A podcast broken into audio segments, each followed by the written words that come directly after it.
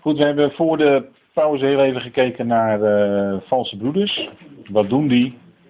Wat doen valse broeders en hoe kun je die herkennen? Nou, dan heb ik een vijftal punten op de dia gezet waaraan u dat kan herkennen. Dat zijn zo'n aantal van die symptomen waaraan je kunt herkennen dat er een bepaalde inslag is. Een inslag die dus uh, je vrijheid gaat beperken en uiteindelijk jouw vrijheid helemaal gaat roven. En dan kom je dus in slavernij. Goed, om te beginnen even dan deze foto van wat men dan noemt de Gouden Poort. En wat weet u wat er zoal verteld wordt over de Gouden Poort? Als u in Jeruzalem op de Lijfberg hebt gestaan, dan ziet u de Gouden Poort. Hè? Maar wat wordt daar dan verteld over die Gouden Poort? Daar komt de Heer door terug. Ja. En kunnen wij ook ergens in de Bijbel terugvinden waar dat staat?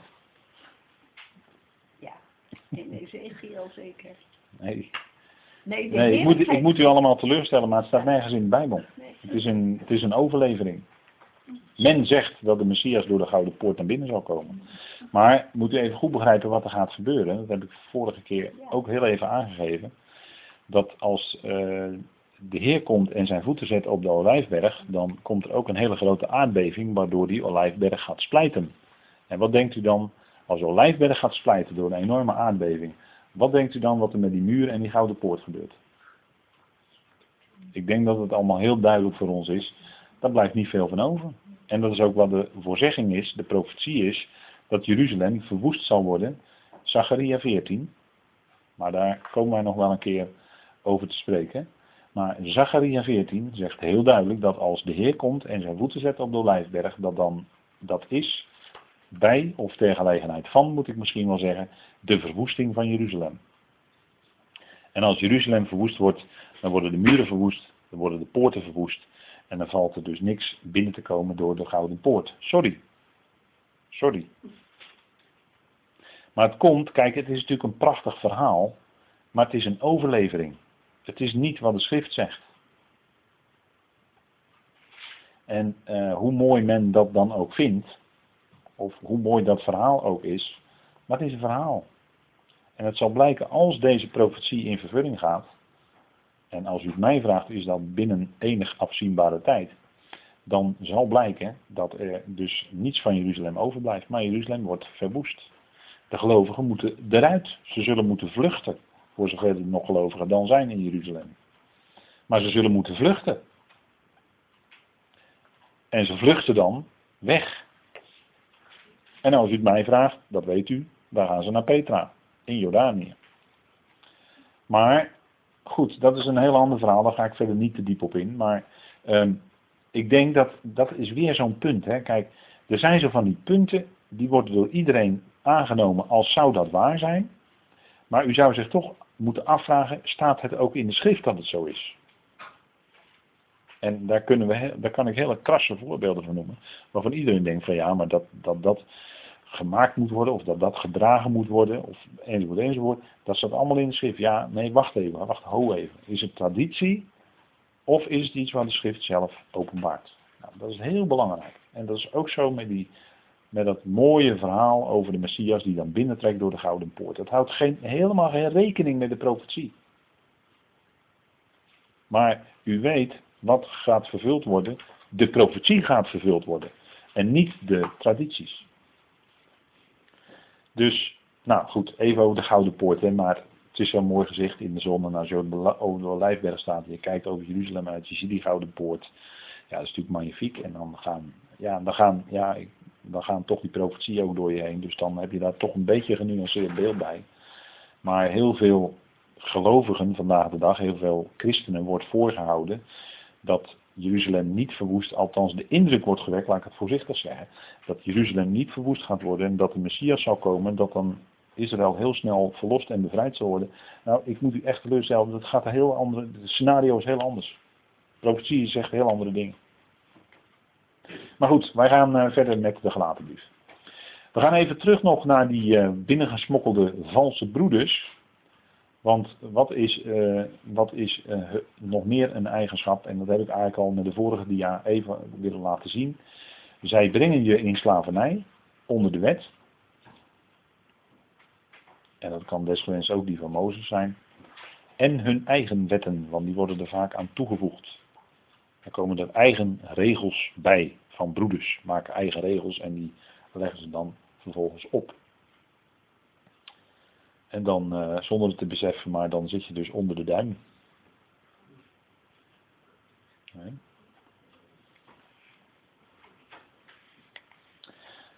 Goed, vandaar wat Paulus in vers 5 zegt, want we gaan nu naar vers 5 van hoofdstuk 2. Vandaar wat Paulus in vers 5 zegt, dat is dat hij zegt, maar vanwege de binnengesmokkelde valse broeders, en dan komt dus die lange tussenzin, en die, eindigt, die tussenzin eindigt dan met om ons tot slavernij te brengen. En dan gaat hij verder, dus ik lees hem nu even zonder die tussenzin, voor de duidelijkheid. Maar vanwege de binnengesmokkelde valse broeders hebben wij het voor hen zelfs geen moment laten lijken op onderschikking.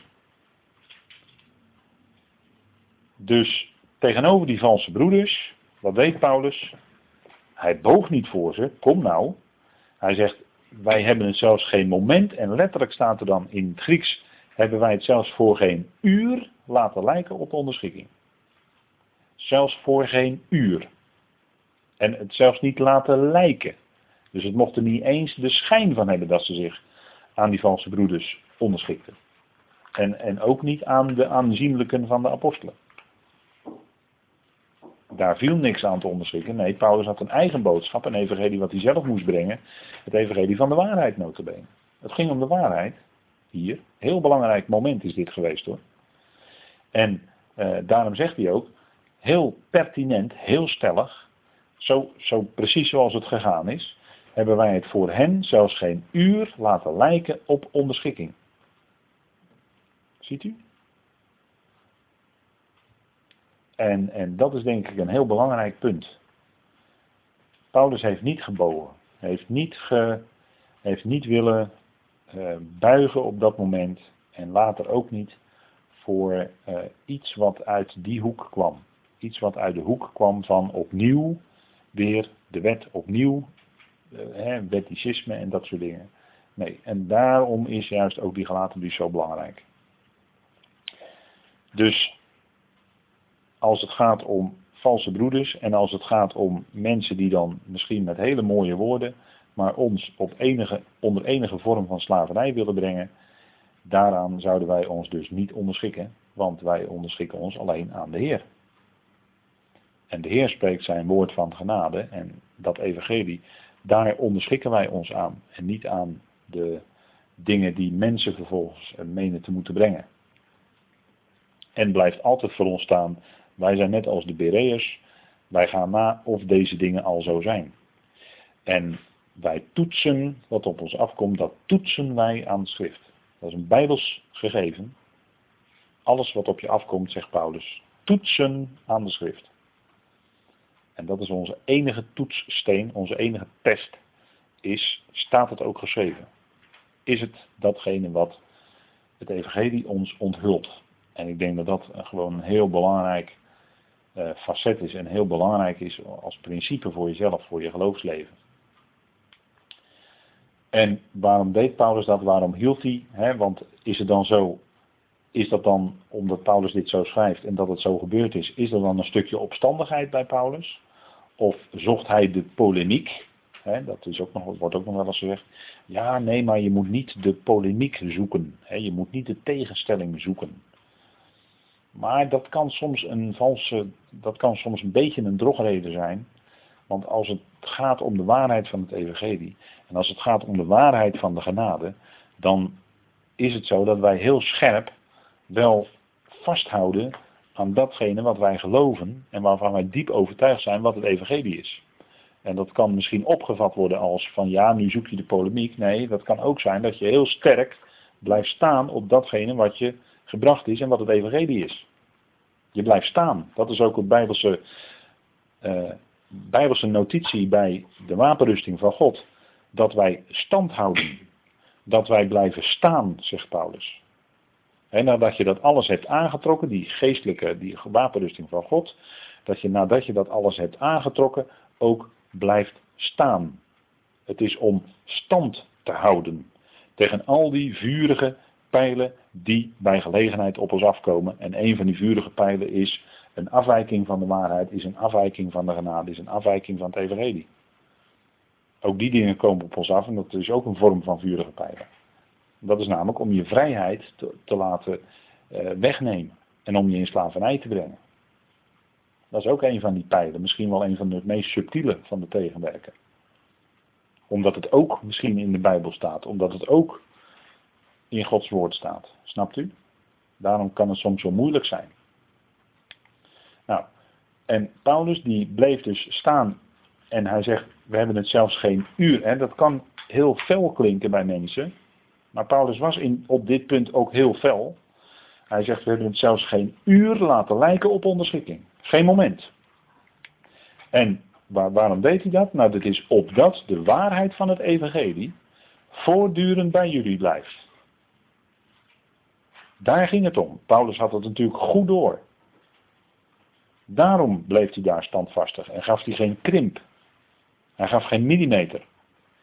Het kan niet. En, en, en dat is wat, wat hij zegt, ja, opdat de waarheid van het. Het ging om de waarheid op dat moment. De waarheid van het Evangelie. En die valse broeders wilden die waarheid. Het woord vals, ik heb het er net al gezegd, is pseudo, dat is het tegenovergestelde van waarheid. Dat is leugen. Pseudo is leugen, is, is vals, is, is tegenovergestelde van. Nou, waar, waar gaat het bij Paulus om? Het gaat om het evangelie van de waarheid. Efeze 1, vers 13 en 14. Nadat jullie het woord van de waarheid, het evangelie van jullie redding hebben gehoord, hebben jullie dat ook geloofd en jullie zijn verzegeld met de geest van de belofte, de heilige die een, onder, hè, die, die een waarborg is van onze lotgenieting, zegt Paulus in Efeze 1. Hè. Maar het gaat dus om het woord van de waarheid van het evangelie. Dat was geen bepaalde pretentie van Paulus, nee, dat was gewoon echt de waarheid, zo is het. En, en eh, hij noemt zichzelf ook, en dat is helemaal niet, uh, helemaal niet groot, maar dat is gewoon echt zoals het is. Hij noemt zich de apostel van de waarheid. Paulus kwam de waarheid brengen. En, en uh, laten we dat maar even met elkaar lezen in 1 Timotheus 2, even met elkaar opzoeken.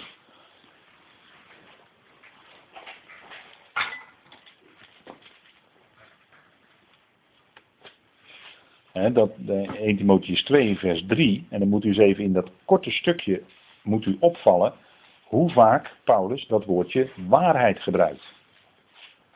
iets wat waar is, dat is betrouwbaar. Daar kun je van op aan, dat verandert niet.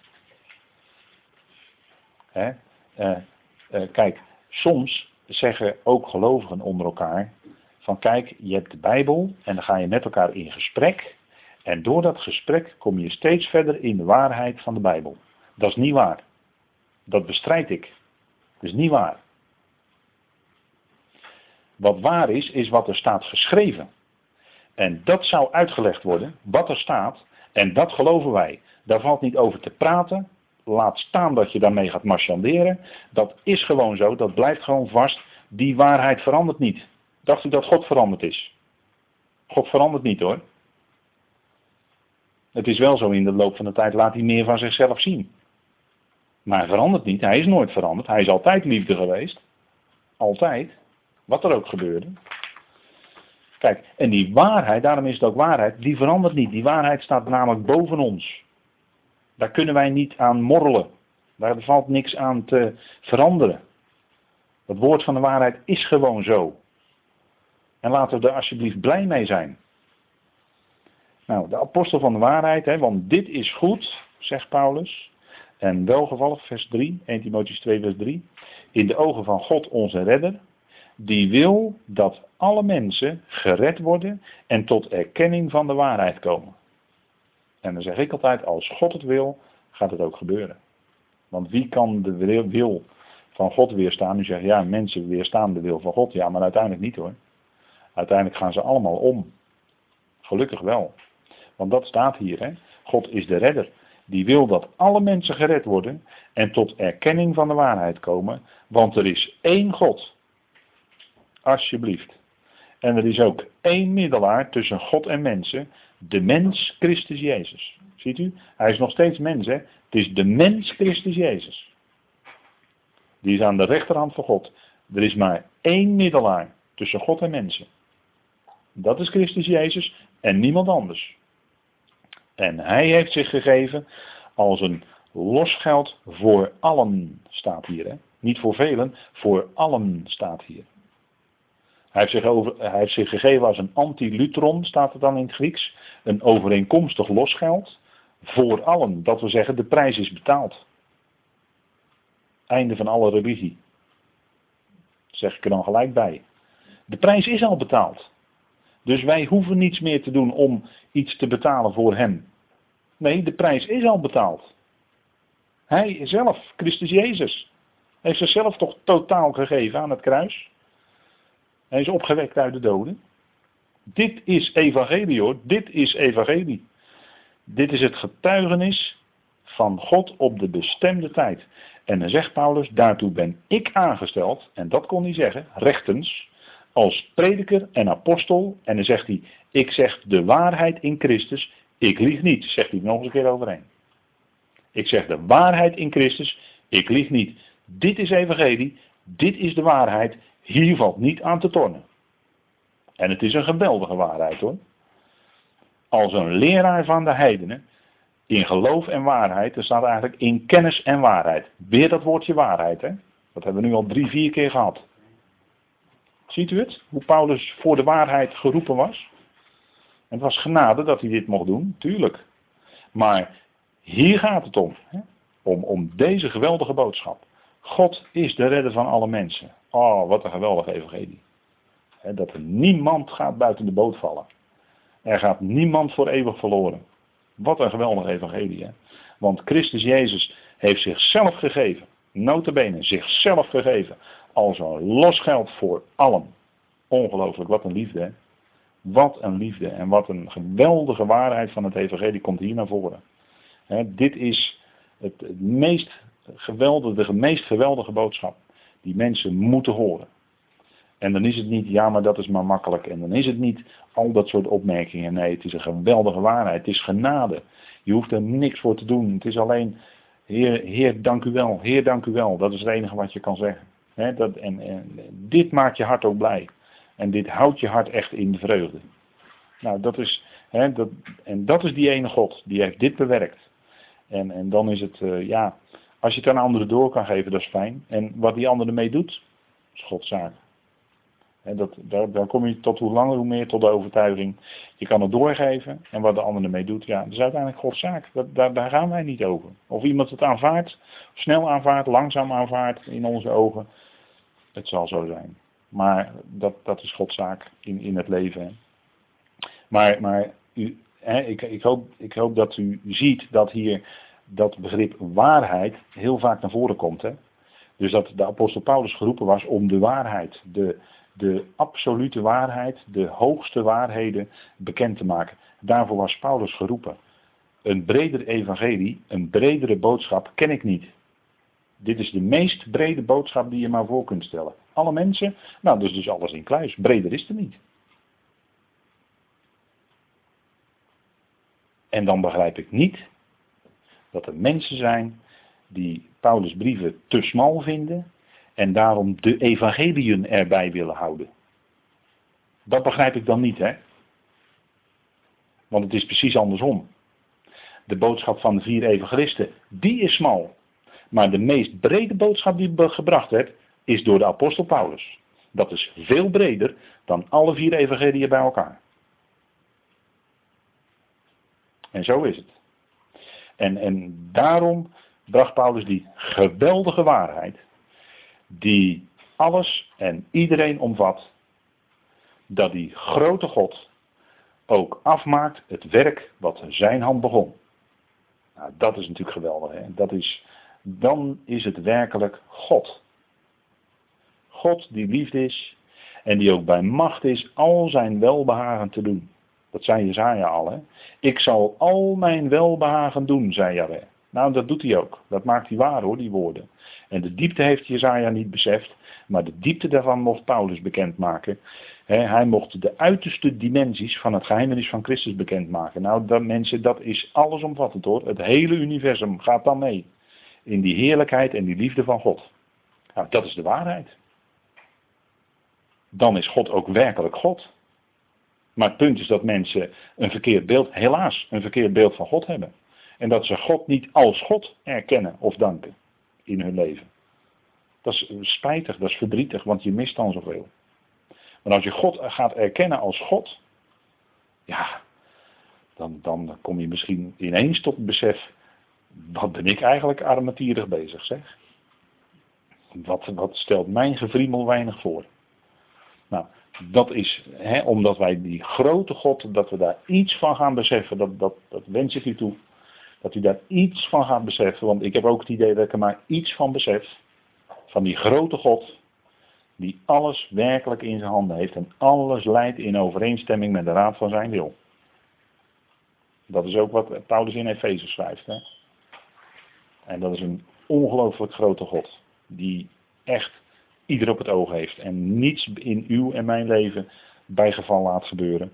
Maar alles past precies in het plan en al beseffen we het nu niet, dan zullen we het later als we bij hem zijn gaan beseffen. Dan zien we, overzien we ineens, ja vader, nu zie ik het pas. Het was daarom dat u het deed in mijn leven en daarom deed u dat in mijn leven en daarom dat. Nu ga ik het allemaal zien. En dan krijg je ineens alle antwoorden, die misschien nu nog een beetje vraagtekens bij u zijn. Nou, gaat u er maar vanuit dat u op alle vragen een antwoord krijgt. Is het nu niet, dan is het later bij de Heer wel. Nou, dat is natuurlijk ook geweldig. Hè? En dat is ook dan weer de waarheid waar we bij terechtkomen. Nou, de waarheid, waren we mee bezig. En de waarheid is dat uh, God de redder van alle mensen is. En dat God wil dat alle mensen gered worden en tot herkenning van die waarheid komen. Nou, dat zal ook gaan gebeuren. Hè? In, uh, op zijn tijd natuurlijk. En dat is wat Paulus mocht verkondigen. Dat is wat Paulus mocht brengen. En daar gaat deze brief ook helemaal over. Hè? Nou, even eh, een klein tussenmomentje. En misschien aardig om wel eens even te weten en om eens een keer over na te denken. Uh, hier is de, het land Frankrijk uh, getekend en ingekleurd met, als ik het goed zeg, in het Italiaans. Met Italiaanse woorden, of misschien Romaanse woorden, of Latijnse woorden, ik weet het niet. Maar dan ziet u dat daar rechts onderin, in die bocht, daar ziet u Gallia staan. Gallia. En daar, onder andere daar, maar ook andere delen van Frankrijk, wonen ook bij, woonden bijvoorbeeld ook de Kelten. En daar is het woord Gallia van afgeleid. En ja, gaat u het maar naar in de geschiedenis. U kunt dat wel terugvinden hoor, als u daarna gaat zoeken. Maar de, de Kelten die wonen bijvoorbeeld in delen van Frankrijk en in delen van Engeland. Maar ook dus het gebied waar Paulus heeft gewerkt in Klein-Azië. Daar woonden ook Kelten. En vandaar dat dat de Galaten worden genoemd. U, uh, u hoort al de overeenstemming in klank op zijn minst. En daarom zijn er ook mensen die vermoeden dat deze Galatenbrief ook daar terecht is gekomen. In, uh, in die provincie Gallia die u daar ziet staan. Dus in Zuid-Frankrijk. Dat zou kunnen. En het maakt verder niks uit. Het is alleen maar even, die Galatenbrief zou ook daar terecht gekomen kunnen zijn omdat ook daar Kelten wonen. En daar, daar zijn heel veel sporen van terug te vinden. Daar woont ook gelovigen. Daar woont ook, uh, wat, wat men dan zegt, christenen. Uh, in, in vroegere tijden. Die hebben daar met grote getalen gewoond. Daar in die zuidelijke streken. En dat noemt men ook wonderlijk genoeg Gallia. Maar dat heeft dus met de, de oude Kelten te maken. En dat zijn zo eens van die dingetjes waarvan ik denk van nou, misschien is het even leuk om eens te weten. Dat dat dat het ook een mogelijkheid is dat Paulus' brief daar terecht is gekomen, dat hij daar uh, gelezen is. Ik denk het wel. En de boodschap uh, is duidelijk natuurlijk, die ze nodig hadden. Dus wel eens aardig, denk ik zo. Goed, we gaan even nog door naar vers 6 van dit hoofdstuk. En dan gaan we de volgende keer diep gaan spreken over de volgende versen, 7 tot en met 10. Maar daar hebben ze wel een aparte avond voor nodig. Van hen echter die in enig aanzien zijn, en dat zijn natuurlijk de vooraanstaande apostelen van de bestijdenis, dus uh, Jacobus, uh, Petrus en Johannes, die drie. En dan zegt Paulus, wat zij eens waren is voor mij van geen belang. God hecht niet aan het menselijk aspect. Zij immers die in aanzien waren, legden mij niets op. Dat is een belangrijke opmerking. Er werd niets opgelegd. Dat bleek al uit het feit dat Titus zich, uh, Titus werd niet genoodzaakt zich te laten besnijden. Dus daar bleek het al uit dat aan hem uh, niets werd opgelegd. Aan Paulus en zijn medewerkers. Door de apostel van de besnijdenis. En uh, dan zegt hij even in een tussenzin, wat zij eens waren, is voor mij van geen belang. En misschien werd er wel, misschien bedoelt Paulus hier, dat zou kunnen, dat het ging om uh, in de ogen van mensen dan eenvoudige vissersmensen, die geroepen waren tot discipel en later tot apostel, hun afkomst. Daar werd misschien door sommige Joden wel eens een beetje op neergekeken. Paulus was natuurlijk een gestudeerd man aan de voeten van Gamaliel, dat was echt een geleerde. En dan zegt hij erbij, God hecht niet aan het menselijk aspect. En dat woord aspect is misschien een beetje moeilijk voor ons. Maar uh, vaak wordt er voor dit zinnetje vertaald, uh, bij God is geen aanneming van persoon of geen aanneming des persoons. Die zin is dat, hè? dat klinkt u wat misschien bekender in de oren vanuit de vertalingen. En bij God is geen aanneming des persoons of aanzien des persoons. Dus God kijkt niet naar de buitenkant, betekent dat. En zo is het ook, God let niet op het aangezicht, op de buitenkant van iemand, maar God kijkt daardoorheen, die kijkt naar de binnenkant. Zoals bij uh, de roeping van David ook al duidelijk werd he, met Samuel. Daar staat natuurlijk dat uh, de Heere, die ziet het hart aan. En de mens ziet aan wat voor ogen is. Maar de Heere ziet het hart aan. Dus die ziet de binnenkant. En uh, geen aanzien des persoons. ja, het woord persoon in het Nederlands is eigenlijk de, de eerste betekenis van het woord persoon. Als u dat op gaat zoeken in de dikke van Dalen, dan komt u bij het woord masker terecht. Persoon is eigenlijk masker. Want het woord persoon heeft namelijk te maken met een toneelspel. En in een toneelspel zijn een aantal acteurs, om het zo maar te zeggen, die spelen rollen. En die rollen, dat zijn dan personen. Dus dat heeft te maken met uh, een beetje met de toneelwereld, hè, zeg maar. En de tweede betekenis bij Vandaal is dan het woord zoals wij het vaak gebruiken en opvatten. Het woord persoon is gewoon een mens. Maar bedenk dat het de buitenkant is van iemand, dus de rol die iemand speelt. En zo zijn er veel acteurs vandaag aan de dag, in, ook in het dagelijks leven en zelfs in de politiek, uh, actief. Maar er staat dus God hecht niet aan het menselijke aspect. Bij hem is geen aanneming van persoon. En dat is een belangrijk principe, want Paulus haalt dat wel vaker aan. En dat is een principe dat komt eigenlijk uit de Torah. En dat wil ik u even laten zien. Dat staat in Deuteronomium. Want in feite refereert Paulus daar wel een beetje aan als hij dit aanhaalt. Dan haalt hij in feite heel even de Torah aan. En natuurlijk als een uh, doorkneed in de Tenach was Paulus. Dus uh, hij wist precies wat hij, uh, wat hij aanhaalde. In Deuteronomium 10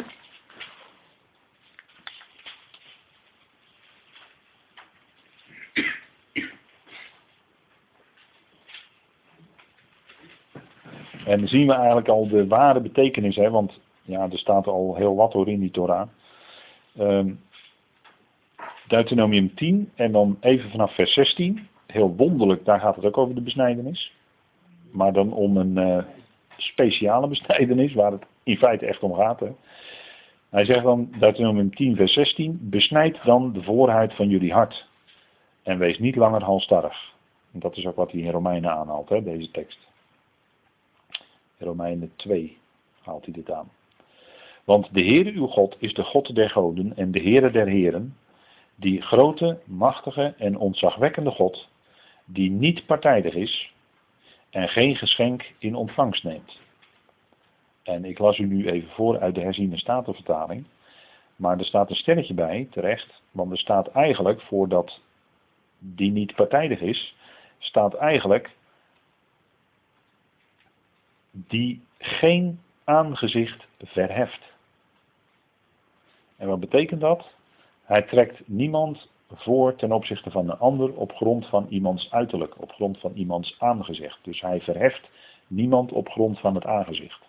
Van De buitenkant, om het zo maar te zeggen. En dit is een principe wat wel vaker in de schrift wordt genoemd. En ja, dat komt eigenlijk wel uh, toch een heel aantal keren voor. Uh, wij kunnen dat bijvoorbeeld terugvinden in uh, 2 Kronieken 19. Dat is even met elkaar opzoeken. 2 Kronieken 19. 2 Kronieken 19.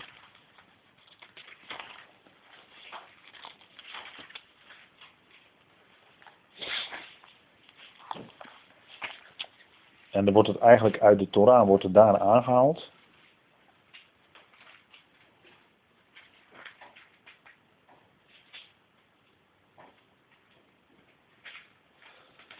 En dat gaat over koning Jozefat, die dan de rechtspraak herstelt. En er staat, en ik lees heel even voor het verband vanaf vers 4.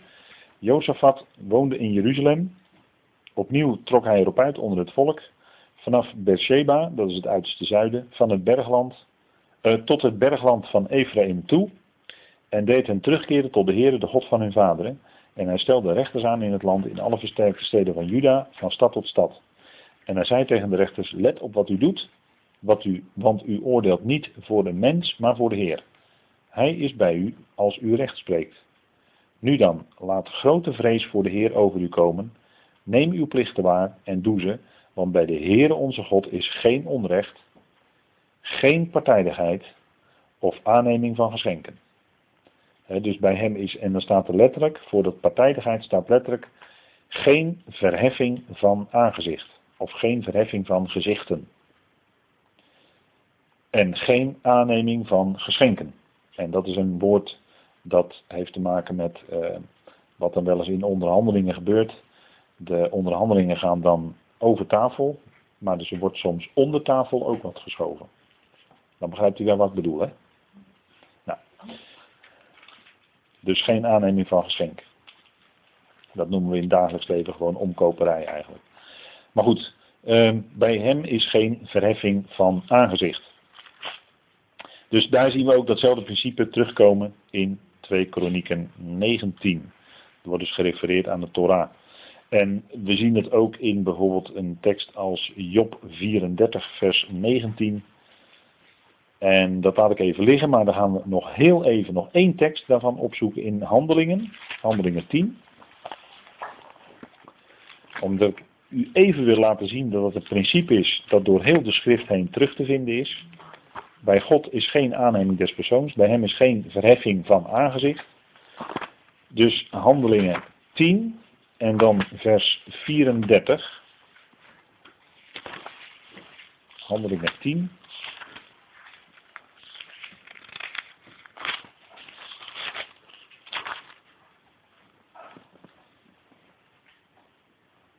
En daar hebben we het eigenlijk al over gehad, hè? Petrus bij Cornelius.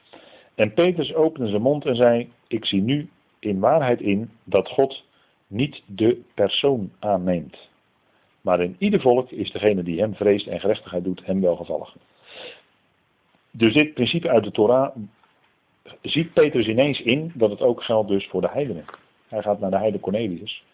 En erkent, ja, bij God is een, geen aanzien des persoons. Dus uh, het heil is niet alleen voor de Joden, maar het is ook voor de heidenen. Het is ook voor degene die buiten het volk. Dus daar zien we datzelfde terugkomen. Hè?